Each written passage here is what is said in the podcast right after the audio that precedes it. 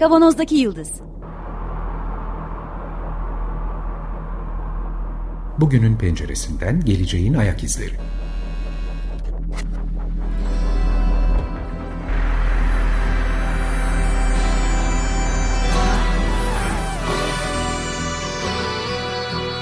Hazırlayan ve sunanlar İsmail Başöz, Haluk Levent, Mustafa Yılmazer ve Fethiye Erbil. Zorlu Holding Sürdürülebilirlik Platformu Akıllı Hayat 2030, herkes için daha yaşanabilir bir dünya diler. Merhabalar, Açık Radyo'dayız. 95.0 Kavanoz'daki Yıldız programında sizlerle beraberiz yeniden. 18. haftada yine sosyal medya, internet iletişimi. Sadece sosyal medya benim içime sinmiyor, internet iletişimi diye. Çünkü artık şeylerin internetinin de katıldığı bir dünyadayız. Bunlarla beraber hepsi toplam olarak bizim çevremizi sarmış durumda. Ee, bunu kötü anlamda da duyabilirsiniz, olumlu anlamda da duyabilirsiniz. Biz ne olup bittiğini anlamaya çalışıyoruz 18 haftadır. Son haftalarda sosyal medya ve internet iletişiminin iktisadı üzerinden konuşmaya başladık. Program ortağım ve yine belirteyim program konuğum bu hafta Profesör Doktor Haluk Levent. Merhaba. Hoş geldiniz efendim. Ee, bugün ikimiz varız. Ben de İsmail. Geçtiğimiz haftalarda mahremiyet ve iktisadi ilişkisi sosyal medyanın bunu konuşmaya başladık. Yine bir hatırlatayım aslında bu 18 haftaya başlarken çıkış noktamız Netflix'te de yayınlanan Social Dilemma ya da Türkçe'ye çevrilişiyle Sosyal İkilem isimli o güzel belgeseldi ve biz bu belgeselin her bir ayağını masaya yatırıp detaylı olarak incelemeye çalışıyoruz. Ve iki haftadır yaptığımız iktisat temelinde sosyal medya ve internet iletişim sohbetinde önce mahremiyet konuştuk. Mahremiyetin üretim ilişkileriyle bağlantısını konuştuk. Mahremiyetimizin açık olmasının yani mahremiyet artık o saatten sonra olmaması. Kolektif, hay- kolektif hayat diyelim yani. kolektif hayat güzel kelime. Mahremiyetin açılması çok denk düşmüyor benim ağzım, e, aklımda en azından. E, bunun ticari çıkarlara nasıl olumlu etki ettiği üzerinden bir sohbet yapmıştık ve uzun süredir üstünde küçük dokunuşlar yaptığımız Shoshana Zuboff The Age of Surveillance Kapitalizm kitabından umarım yakında Türkçe'ye çevrilecektir ve onun perspektifinden bugün daha ağırlıklı bahsedeceğiz sonunda. Evet Haluk topu sana vereyim. Top evet. derken tabii bugünlerde böyle Avrupa Kupası falan giderken aklımız da oraya gittiği için biraz. Orta sahada pres yapacağız diyorsun. Ee, ya bu kitap ben tabii ilk yayınlandığı andan itibaren e, bir e, makale dolayısıyla bu kitabı tanıtan makale dolayısıyla haberdar olmuştum. O zaman işte tabii ki tanıdığa yayın evi yöneticisi tanıdığa söyledim ya Türkçe'ye çevirmek lazım bu kitabı diye. Onlar da baktılar e, Türkçe çeviri hakları satın alınmış durumdaydı ya da alınmış durumdaydı. Evet. Aradan iki yıl geçti. İki buçuk yıl geçti. E, halen bir iz yok ortada ama inşallah çevrilir. Önemli bir kitap gerçekten. Şimdi sosyal medya ile ilişkisini kurarken e, genişletmekte haklısın gerçekten bu gözetim kapitalizmi kavramı sosyal medyayla sınırlı. Sosyal medya e, önemli bir veri kaynağı. Oradan topladıkları veriyle ve aynı zamanda manipülasyon kaynağı. Evet, insanları yönlendirmek için de çok iyi bir araç. O, o yüzden önemli bir parçası ama tek başına ondan ibaret değil. Her türlü bilgi bunun, bu, bu, bu faaliyetin içerisinde e, toplanıyor ve işleniyor. Şimdi belki önce bu sosyal şey gözetim kapitalizmi kavramının dayandığı birkaç tane temel özellik var. Onları açmakta fayda olabilir. Ya da çok kısaca geçelim. Bu bir tür ana başlıkların e, ile özetlemek gibi bir şey olacak. Bir kere e, bunun en temel ayırt edici özelliği insan deneyimini bir ham madde olarak kullanan ekonomik düzen diye geçiyor. Ne demek istiyoruz bunda? İnsan deneyimi işte bütün her şey bizim deneyimimizle başlıyor dedik ya bu sistem içerisinde. Bunu bir ham madde diye e, e, kullanmaya çalışıyorlar. Yani bir nasıl işte iktisatta vardır doğal kaynak ham madde olarak e, görülür. Doğayı sömürü tırnak içinde söylüyorum ben katıldığım için değil ama ana akım iktisatta doğal kaynak diye bir şey vardır. e, doğanın sömürülmesini e, kavramsallaştıran. Burada insan davranışlarının bizatihi kendisi bir bir nevi e, doğal kaynak gibi değerlendiriliyor. Oradan alıp işlenip ürün çıkartılıyor veya bazı ürünlerin daha etkin, daha yüksek bir şeyle artıkla e, satılması sağlanıyor. E, dolayısıyla bu, bu, bu, bu nasıl şey? İşte bu, bunun arkasında bazı gizli, çünkü çok açık yapılan bir şey değil, gizli ticari faaliyetler, e, bunun işte işlenmesine dayalı ticari faaliyetler, kestirim ki bu sürecin en önemli parçası ve satış var. Yani doğal bir doğal ham madde olarak e, insan davranışı gözlemleniyor, e, depolanıyor bir yerde. E, ondan sonra bazı ticari faaliyetleri amaçlayacak şekilde e, mining dediğimiz o eşeleme, işte çıkartılma, oradan bir şeyler öğrenme e, sağlanıyor. Sonra bu öğrenmeyle beraber kestirim gerçekleştiriyor ve satış gerçekleştiriyor. Satışı burada biraz geniş düşünmek lazım. Çünkü manipülasyonu da içeren bir satış sürecinden bahsediyoruz. Evet. Ee, şimdi bu nasıl gerçekleşiyor? Yani bu temelleri e, ortaya koyduktan sonra bunu nasıl gerçekleştiğine bakmak gerekiyor. Yani davranışsal artığın nasıl üretildiğini. Bir kere başlangıçta insan deneyimi söz konusu. Bu insan deneyimi e, bir e, davranışsal veriye dönüştürülüyor. Yani herkesin bireysel deneyimi bir tür toplulaştırmayla derneşik hale getirilerek bir veri haline dönüştürülüyor. Ve bu ondan sonra gidiyor işte herhangi bir ürünün veya hizmetin daha mükemmelleşmesi, daha gelişmesi için kullanılıyor veya e, yeni bir ürünün ortaya çıkartması için kullanılıyor ve dolayısıyla bu yolla da bu düzen bu şekilde kurulduktan sonra da bir davranışsal artığın mülk edinilmesi süreci gerçekleştiriliyor. Şimdi bu mülk edinilmesi süreci e, biraz açılması gereken bir şey tabii ki. Ona bir bakmak gerekecek öncelikle.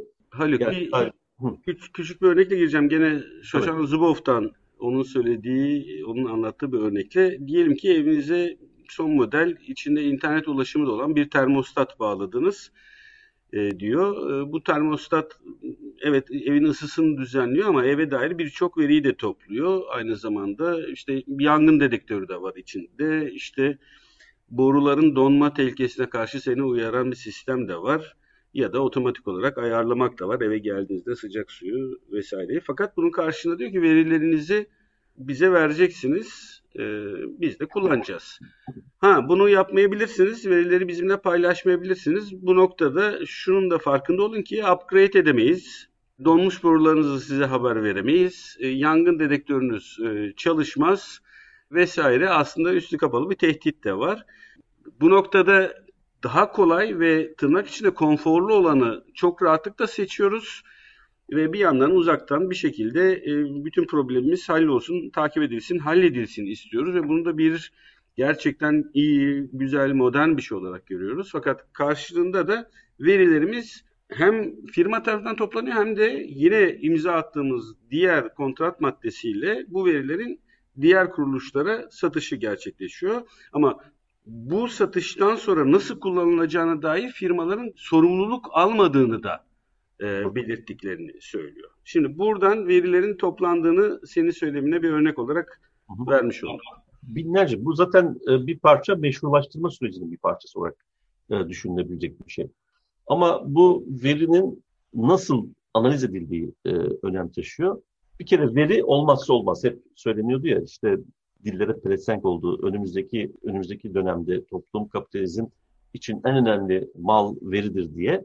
E, biz burada mal demek yani Shoshana Zuboff'un kavramsallaştırması çerçevesinde bunu ham madde olarak tanımlamamız gerekiyor. Ve bu gözetim kapitalizminin en gerekli e, şey yani eğer bu bu süreç mesela kesintiye uğrasa gözetim kapitalizminin faaliyete geçmesi mümkün değil. Çünkü işte onu işlemesi, oradan bilgi edilmesi, onun yoluyla da çeşitli farklı faaliyetlerin gerçekleştirilmesi mümkün olmayacak. Dolayısıyla bu gözetim kapitalizminde üretim sürecinin en gerekli ham maddesi veri. O yüzden de her yerden ve her şeyden veri toplamaya çalışılıyor. İşte bu e, nesnelerin interneti, davranışsal verilerimiz, ruhsal e, mümkün olduğu kadar dijitalleştirilebilecek ve e, veri haline dönüştürülebilecek Geçen, e, ruhsal, ruhsal e, şeylerimiz. Geçen Evet. programda söylediğimiz e, cümleyi bir cümle olarak tekrar koyalım. Bu verinin toplanabilmesi için de mahremiyetimizin ortadan kalkması, e, ortalığa serilmesi gerekiyor ki veri toplansın. Evet, yani mükemmelleştirmek için her şeyin toplanması gerekiyor. Bu her şeyin kullanılması anlamına gelmiyor ama her şeyin toplanması gerekiyor. Onun içerisinden işte en uygun karışım, en uygun küme hangisi onları kullanmak gibi. Şimdi ikinci özellik olarak şunu söyleyebiliriz. Bu normal olarak üretilen mal ve hizmetlerin, mal ve hizmetlerin küresel bir daha doğrusu e, davranışların yönlendirildiği, yeniden biçimlendirildiği küresel bir mimarinin e, tahakkümü altına sokulduğu ve bu anlamıyla da parazit olarak adlandırabileceğimiz bir iktisadi mantık. Ne demek istiyoruz? Bir, zaten bizim alışık olduğumuz piyasa ekonomisinde üretilen mal ve hizmetler var. Ama bu mal ve hizmetlerin az önce söyledim ya satış meselesini e, ayırma, tutmak gerekiyor ve yönlendirme önemli. İnsan davranışlarının analiz edilmesi e, ve bu analizlerin sonucunda ortaya çıkan daha giderek de güçlenen, e, mükemmelleşen bir kestirim e, bilgisiyle bütünleştiğinde bu mal ve hizmetlerin satışı bu tür faaliyetlerin tahakküm altına al- alınmış oluyor ve bu tahakküm altına alınmaktan ötürü de bizim iktisatta nispi fiyat yapısı dediğimiz şeyler yani o, o normal olarak e, piyasada var olan ilişkilere ya da sisteme denk düşen tırnak içinde normal kar, bunu normal artık olarak adlandırabiliriz. Onu büyüten e, bir yapının e, tahakküm altına alır. Bu anlamıyla da parazitik bir iktisadi şey. Çünkü sonuç itibariyle baktığımızda bu total sistem olmasa biz daha düşük fiyatlarla cari refaha erişebileceğiz. Ama bu sistem giriyor insan davranışı suni olarak bir e, moda ikonu yaratma, suni olarak bir işte ihtiyaç tarif edip bu ihtiyacın karşılanması için güçlü bir istek yaratma. Yani insan davranışlarının modifikasyon dediğimiz şey bütün bunları kapsayan çok geniş bir e, kavram. E, bütün bunlarla beraber iktisadi artığı yükseltiyor ve bu yükselen artığın önemli bir kısmını bu parazitik düşünce alıyor. Çünkü bu parazitik düşünceyi biz daha çok tüketici tarafından bahsediyoruz işte davranışsal artık diye ama arka planında hem emek piyasalarında büyük bir hakimiyeti var ve bu sistem için çok hayati bir önem taşıyor. Nasıl bağladın bu davranışsal artıklarla buraya? Hayır, davranışsal artığın dışında diyorum. Ha. Davranışsal artık e, bir üretim süreci var. O üretim sürecinin e, içerisinde de büyük bir tahakküm var aslında üretim ilişkileri anlamında. Onu da para- parazitlik özelliğini artıran da bir şey. Çünkü bir yandan tüketiciyi manipüle ediyor, bir yandan emeği kapitalizmin, bildiğimiz kapitalizmin ötesinde tahakküm altına alıyor. Artık güvenceli bir iş sahibi olmaktan çıkıyorsun, ücretli ilişkiden, ücretli ilişki olarak bile adlandırmayı zorlaştıran bir tür esnaflaştırma sürecine e, sokuyor. İşte bu part-time çalışma, evden çalışma, e, ürün bazlı fiyatlandırma, sıfır e, ücretli sözleşmelerin ortaya çıkması İngiltere'den başladı, işte Türkiye'de de yaygınlaştı, bütün dünyada olduğu gibi. E, bütün bunlar bu sistemin e, bu parazitik özelliğinin yansımaları aslında E, ve dolayısıyla aslında bu parazitlik çünkü sonuç itibariyle ortada çalışan bir sistem var. Bu sistem içerisinde bir artık değer üretimi söz konusu buna, el koyma söz konusu ama bu ilişkiler bizim bildiğimiz kapitalizm içerisinde tanımlı falandı. Ama bu parazit bu sisteme e, yapışıp o bütün unsurlarını tahakküm altına alıyor. Ve yeni bir mod, yeni bir varyant tanımlıyor. Yeni bir üretim ilişkisi demek doğru değil ama yeni bir tür e, artık yaratarak bu artık üzerinden ele geçiyor. O yüzden zaten olağanüstü büyük bir e, servet birikim, servet artışı görüyoruz, gözlemliyoruz. Yani Büyük bir eşitsizlik gözlemliyoruz. şöyle toparlayabilir misin söylediğini? Yani eskiden ihtiyaçlarımız vardı. İhtiyaçlara karşı üretimlerle cevap veriliyordu. İşte iyi e, üret, ürünü, iyi malı e, tercih etmek için reklamlar vardı ya da ne bileyim işte tanıdıklaştırmak için bildiğimiz bir ihtiyaç ve cevap şeklinde giden temelden bahsediyorum. Elbette ufak tefek manipülasyonlar vardı. Ama şimdiki durumda artık pik noktasına ulaşmış derecede ihtiyacı yaratmak gibi bir durum var parazit olarak gelen. Bu ihtiyacı yaratırken de senin davranışsal artık diye söylediğimiz senin davranışlarından topladığı e, verilerle beraber seni manipüle etmesi ve yine ürün satma yönelik. Şöyle, şöyle belki toparlamak mümkün. En basitleştirilmiş haliyle kapitalist piyasa ilişkisini dikkat alalım. Değil mi? Ne var? İşçiler, emekçiler var. Bir de sermaye sahipleri var. Bunlar arasında işte bir artık değer üretimi söz konusu. Bu artık değerin sermaye tarafından mülk edinilmesi gibi bir şey, ilişki söz konusu. Ama bu düzen sonuçta insanın mal ve hizmet bazında ihtiyaçlarını karşılayan bir düzen. Şimdi biz buna iki tane şey koyduk. Bir kredi piyasası yani finans sektörü. Bir de işte marketing falan filan gibi giderek büyüyen bir aslında üretim sürecinin bizatihi kendi içerisinde tanımlı olmasa da olabilecek bir sistem. Ama hizmet sektörünün büyümesi işte yani Marx buna üretken olmayan emek diye adlandırıyor bir kısmını. Bir kısmı gerçekten e, üretken ama bir kısmı üretken olmayan emek. Ama bu da eklendi. Bu ikisini de parazit gibi şey yapabilirdik, değerlendirebiliriz aslında. Ama bu tarif ettiğimiz sistem geliyor piyasadaki bu işleyişin gözetim kapitalizmini söylüyorsun. Evet, gözetim kapitalizmi bütün bu bütün unsurlarını tahakküm altına alıyor. Dolayısıyla artık oradaki o kendi halinde üretim ilişkileri bu tahakkümün altında biraz modifiye olmaya da başlıyorlar. Bu e, dışarıdan gelen parazitik ilişki bizim refah seviyemize önemli bir katkı da sağlamıyor aslında. O olmasa da biz hayatımıza devam edebilecek durumdayız. Bu tür bir tanımlanmış bir ilişki olmasa da biz aynı refah seviyesinde hayatımıza devam edebilecekken geliyor ve bu suni bir şişkinlik de yaratıyor. İşte davranışsal artık aslında normal olarak tanımlanmış iktisadi artın üstüne gelen bir şey. Yani bu demektir ki fiyat olarak ya da bir, bir ölçüm birimi olarak düşünecek olursak fiyatı onunla böyle bir patlama yaratıyor. Bu patlamanın esas itibariyle değer olarak bir karşılığı yok. Fakat kullanım değeri olarak yani kullanım çünkü sonuç itibariyle bir gelir üretme mekanizması bu aynı zamanda ama kullanım değeri olarak bir anlamı var. Yani değeri yok ama fiyatı var. Ve bu fiyat değeri olmayan fiyatlar toplanarak da e, sonuç itibariyle olağanüstü yüksek hızda bir servet yoğunlaşması ve daha önemlisi bilgi yoğunlaşması ve güç yoğunlaşması yaratıyor. Bu da aslında kapitalizmin haydut haydutsu bir özel niteliğe doğru mütasyonu, dönüşümü olarak da adlandırılabilecek bir şey. Burada e, bu, bu süreç için gözetim kapitalizmi çok yardımcı olan bir e, materyal araç mı yoksa kendisi mi? Bizatihi kendisi. Bizatihi kendisi. Hı hı. Bizatihi kendisi. Ve bu dönüşüm yani kapitalizmin o haydutçu, haydutsu dönüşümü çünkü sonuç itibariyle dışarıdan gelip eklemlenen bir parazit olarak da düşünmemiz lazım bunu.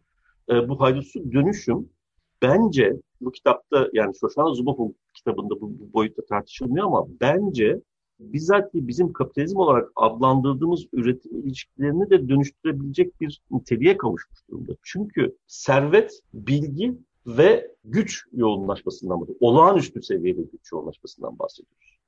Yani hem gücün, dolayısıyla toplumsal kontrol mekanizmasının, hem servetin, dolayısıyla iktisadi kontrol mekanizmasının bir arada çok küçük bir ekibin, çok küçük bir parti, parçanın elinde aşırı yoğunlaşmasından bahsediyoruz.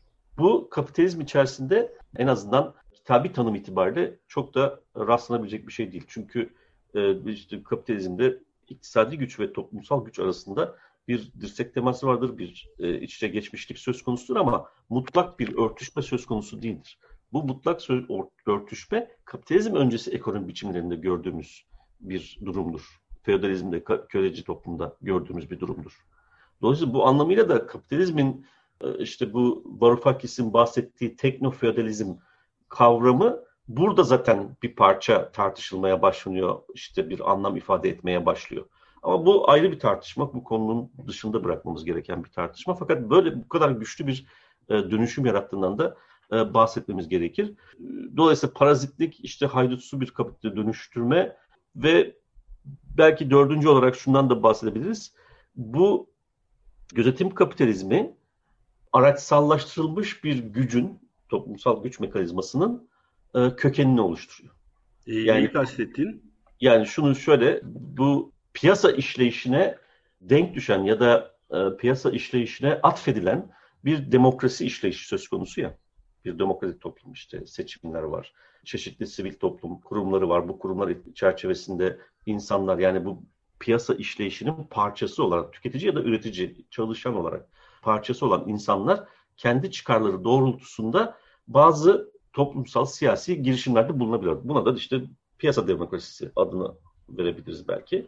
Ee, bir bir demokratik ortam var. Ama gücün, servetin ve bilginin tek bir ve bir de baş, şeyden bahsetmiştim. Gizli ticari e, faaliyetler diye bahsetmiştim. Bunun küçük bir azınlık e, elinde yoğunlaşması, aşırı yoğunlaşması bu demokratik işleyişin tasfiyesini de getiriyor. Yani bu Trump'ın ve benzerlerinin bütün dünyada ortaya çıkması basit bir tesadüf değil. Hepsinin birden ortaya çıkması basit bir tesadüf değil. Dolayısıyla bu bu derecede yüksek ve etkin bir araçsallaştırılması bu demokrasiyi dışlayan yeni bir dominans, yeni bir tahakküm, toplum üzerinde yeni bir tahakküm e, yaratıyor. Evet. Bu da önemli bir özellik yani. Sayın Hocam söylediklerinden şöyle bir diyagram oluştu aklımda. İşte üretim ayrı bir şekilde organize oluyordu. Sanayisi, hizmet sektörü vesaire falan. Bunlar bir temas içindelerdi. Ee, işte bir takım veriler toplanıp organize olmaya çalışıyorlardı. Evet, ihracat değeri, ithalat değeri ne kadar evet. satılması gerekiyor. Bunlar bir şekilde TÜİK gibi kurumlarda sizin de çalıştınız efendim. Oradan gelen veriler, ihracat şu bu işte yıllık planlamalar yapılıyordu. 5 yıllık, 10 yıllık vesaire ne kadar ürüne ihtiyacımız var falan. Bunlar ayrı ayrı parçalar bir, bir araya gelirken ve yine ihtiyaçlar temelinde yürürken şimdi bu gözetim kapitalizmiyle beraber anladığım sanki veriyi de toplayan, üretimi de yönlendiren, hizmet sektöründe işte bu verilerle besleyen ya da oradan gelen verilerle başka bir organizasyonu yapan, bizi de manipüle eden, alıcıyı da manipüle eden, alıcının davranışlarını da izleyen ve bu davranışları e, sadece tüketim anlamında değil birçok anlamda da manipüle eden bu bu birçok anlamın en önemli parçalarından bir tanesi de siyasi perspektifler açısından, siyasi aksiyonlar açısından da manipüle eden büyük bir çember gibi duruyor bu gözetim kapitalizmi sözü benim karşımda. Yani e, hem ürettiren hem tükettiren hem ihtiyaç belirleyen hem ihtiyacı organize eden vesaire. E, büyük bir çember. Evet doğru bir ufak e, şey var. Yani altı çizilmesi gereken nokta var. Zaten işleyen bir düzen vardı. Bu düzenin üstüne güncel terimlerle çökmüş bir parazitten bahsediyoruz. Yine mi? parazitten bahsediyoruz. İkincisi de bütün bu bilginin yani e, neredeyse her şeyin bilgisini içeren çünkü e, güç, güç oluşturma buradan geliyor iktisadi faaliyetleri etkileme bu, bu bilgiden geliyor aslında. Küçücük bir azınlık. Evet. Daha önce de belirtmiştik. Tekrar tekrar belirtmekte fayda var. Ee, birkaç tane devlet değil, birkaç tane şirket devlet. yani evet. mesela. Bir isim bulunacak evet. herhalde. Bulacaksınız değil mi? O kadar akademik dünyada çalışıyorsunuz hocam. e, Valla evet. İşte yani şeyden gidecek olursak eğer teknofeodalizmden yola gidecek bunlara da lordlar diyebiliriz yani. Yok, yeni, artık yeni dünyanın yeni isimleri lazım. Çok eski isimler evet.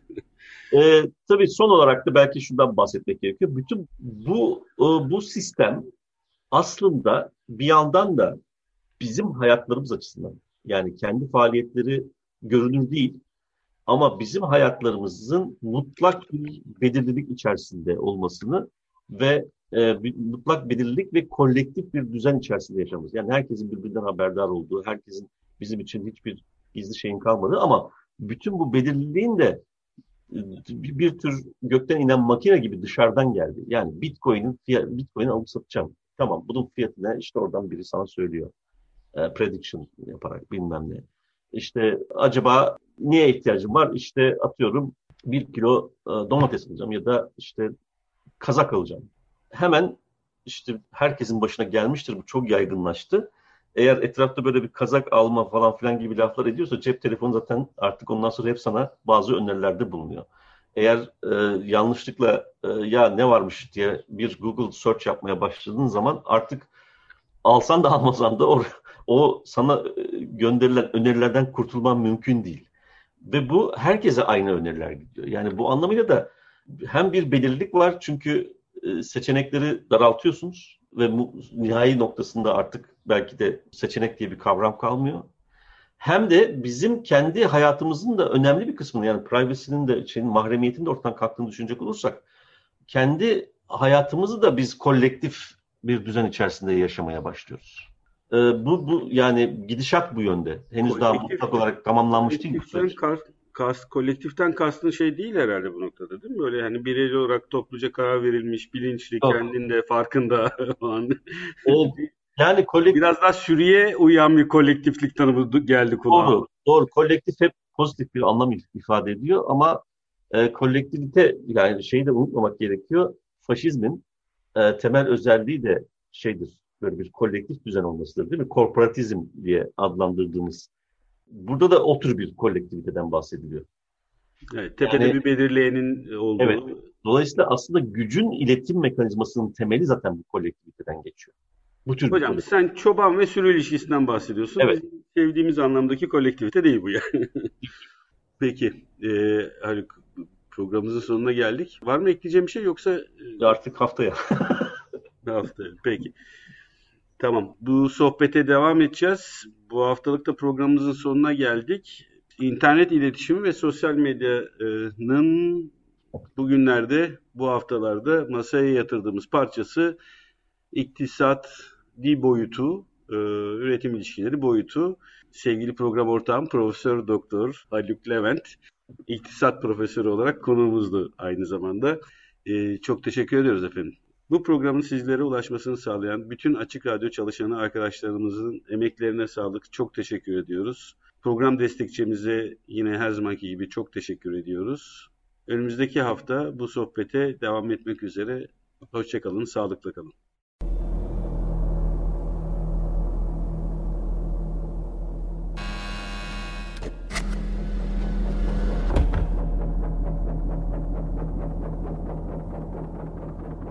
Kavanozdaki Yıldız Bugünün penceresinden geleceğin ayak izleri.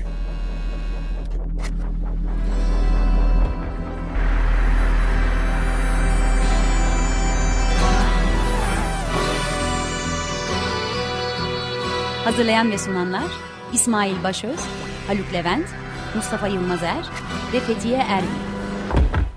Zorlu Holding Sürdürülebilirlik Platformu Akıllı Hayat 2030 sundu.